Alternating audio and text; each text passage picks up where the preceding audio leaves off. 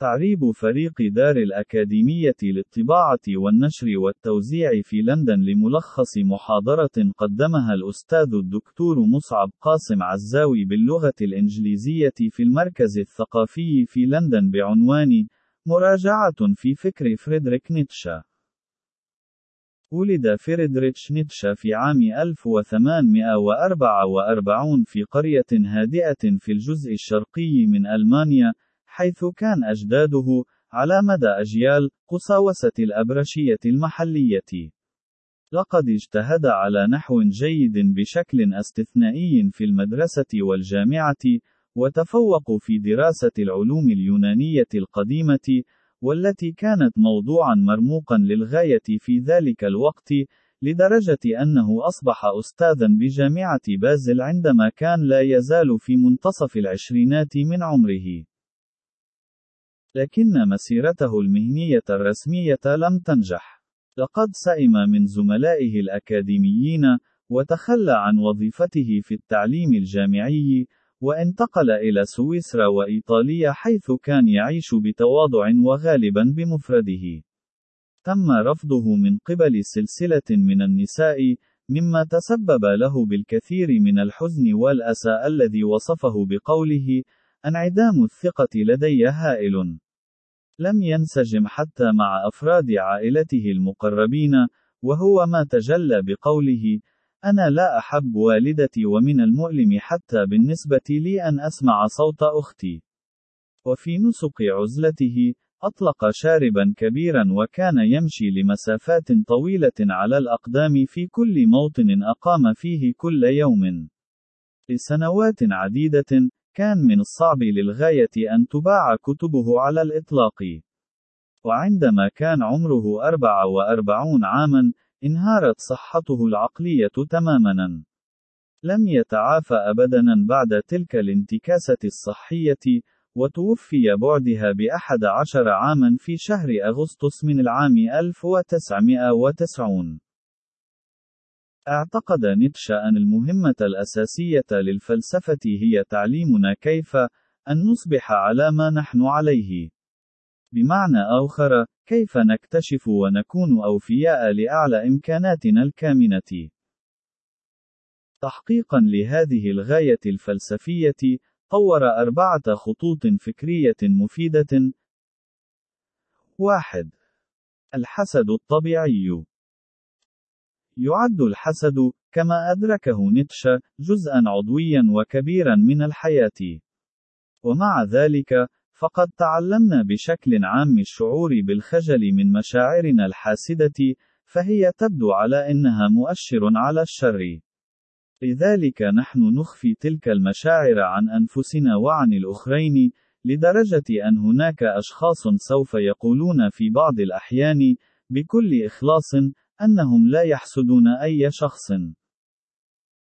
أصر نيتشه على أن هذا مستحيل من الناحية المنطقية، لا سيما إذا كنا نعيش في العالم الحديث، وهو العالم الذي عرفه نيتشه بأنه العصر بعد الثورة الفرنسية.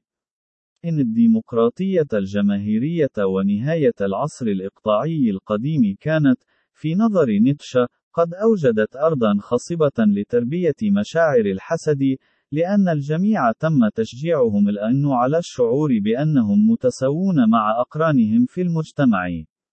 في العصور الإقطاعية، لم يكن من الممكن أن يحدث للقن أن يشعر بحسد تجاه الأمير. ولكن الآن الجميع يقارنون أنفسهم بأي شخص آخر، ويتعرضون لمفاعيل صراع الطموح مع عدم الأهلية المستبطنة في شخوصهم لإدراك مآلات ذلك الطموح. ومع ذلك، فلا حرج مع الحسد، أقر نيتشه الفيلسوف. ما يهم هو كيف نتعامل معه. تأتي العظمة من القدرة على التعلم من أزماتنا الحاسدة. اعتبر نيتشه الحسد إشارة مشوشة، ولكنها مهمة من أنفسنا العميقة حول ما نريده حقًا.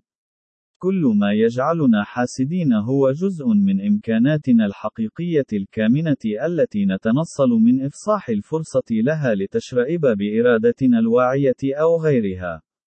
برأي نيتشه يجب أن نتعلم دراسة حسدنا عن طريق التمارين الجدلية الفكرية لفهم كيف يعمل عقلنا، والاحتفاظ بمذكرات عن لحظات الحسد التي نعاني منها، ومن ثم التدقيق في نوبات الحسد تلك لتمييز وتلمس شكل الذات المستقبلي الأفضل.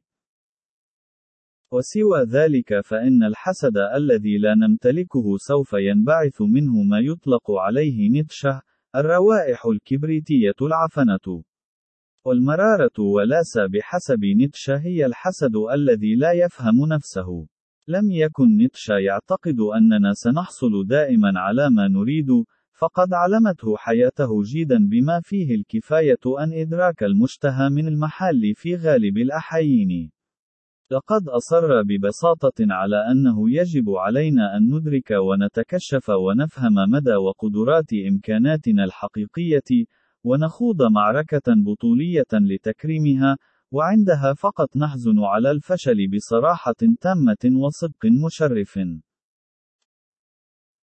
2. لا تكن مسيحيًا، كان لدى نيتشه الكثير من الأشياء المتطرفة ليقولها عن المسيحية: أنا أدعو المسيحية باللعنة الواحدة الشاملة، والفساد الجوهري العميم.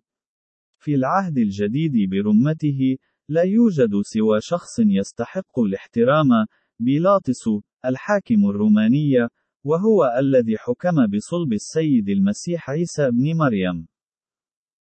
لقد قال الكثير من المقولات الصاخبة عن المسيحية، لكن هدفه الحقيقي كان أكثر دقة وأكثر إثارة للاهتمام من مضمونها الظاهري، فلقد استاء نيتشه من المسيحية لأنها تحمي الناس من حسدهم عبر كبته أو عدم الالتفات إليه.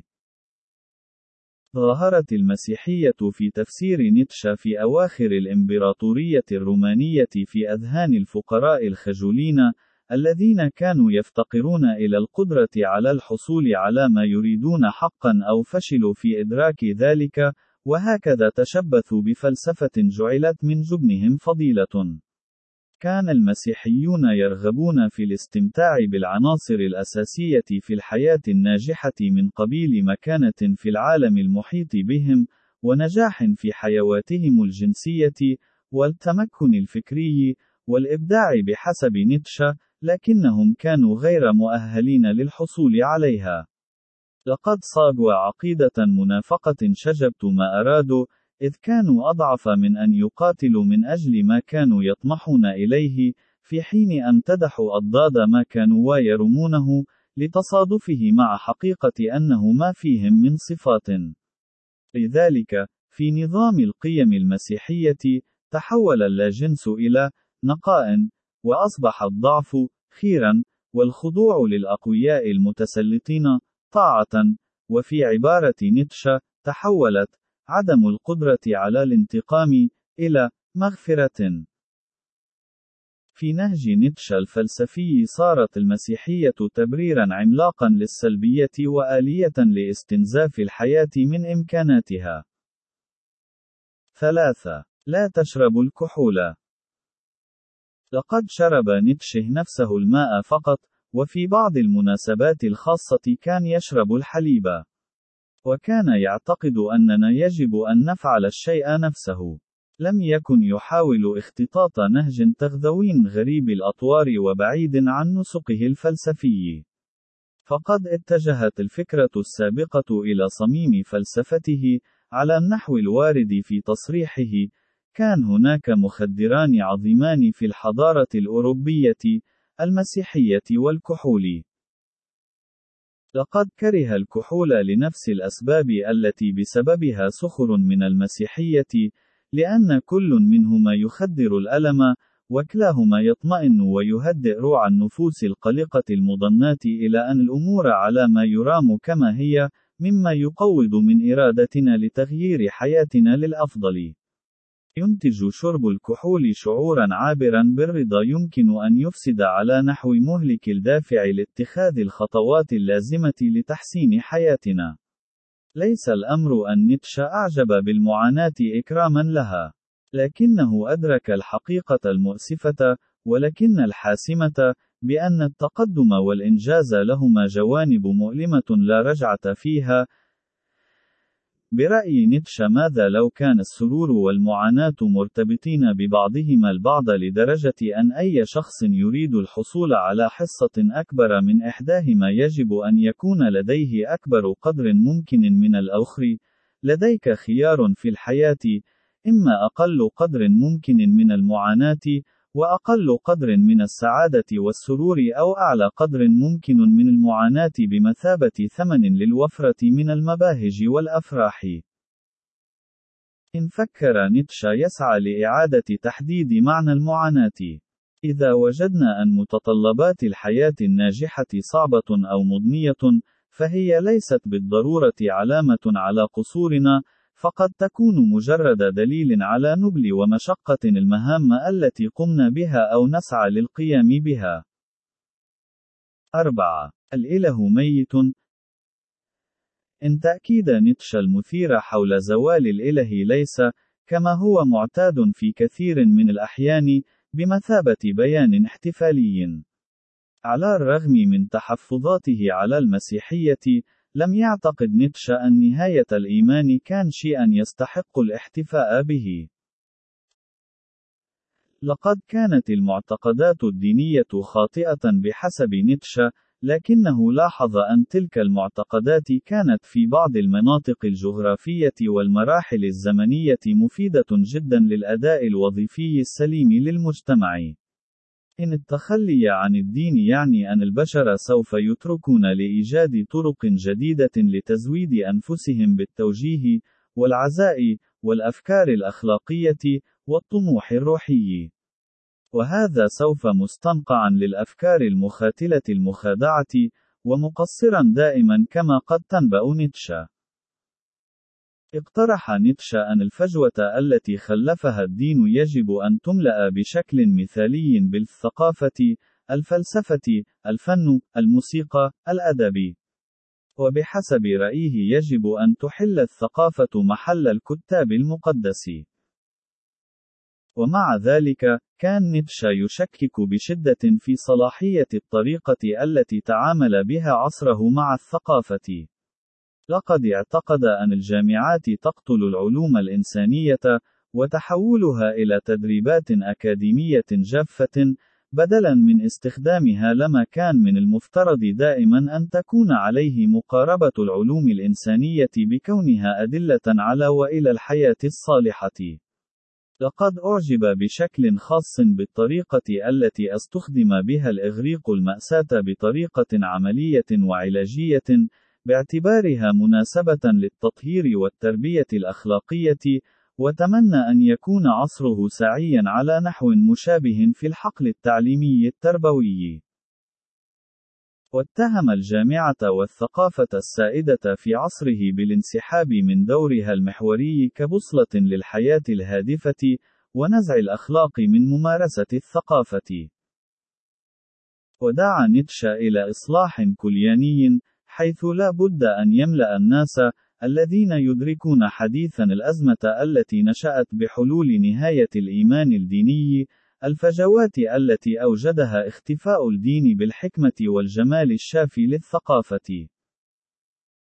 الخلاصة إن كل حقبة تواجه تحديات عقلية خاصة، كما يعتقد نيتشه، ومن هنا فإن مهمة الفيلسوف هي تحديد هذه المشكلات والمساعدة في حلها.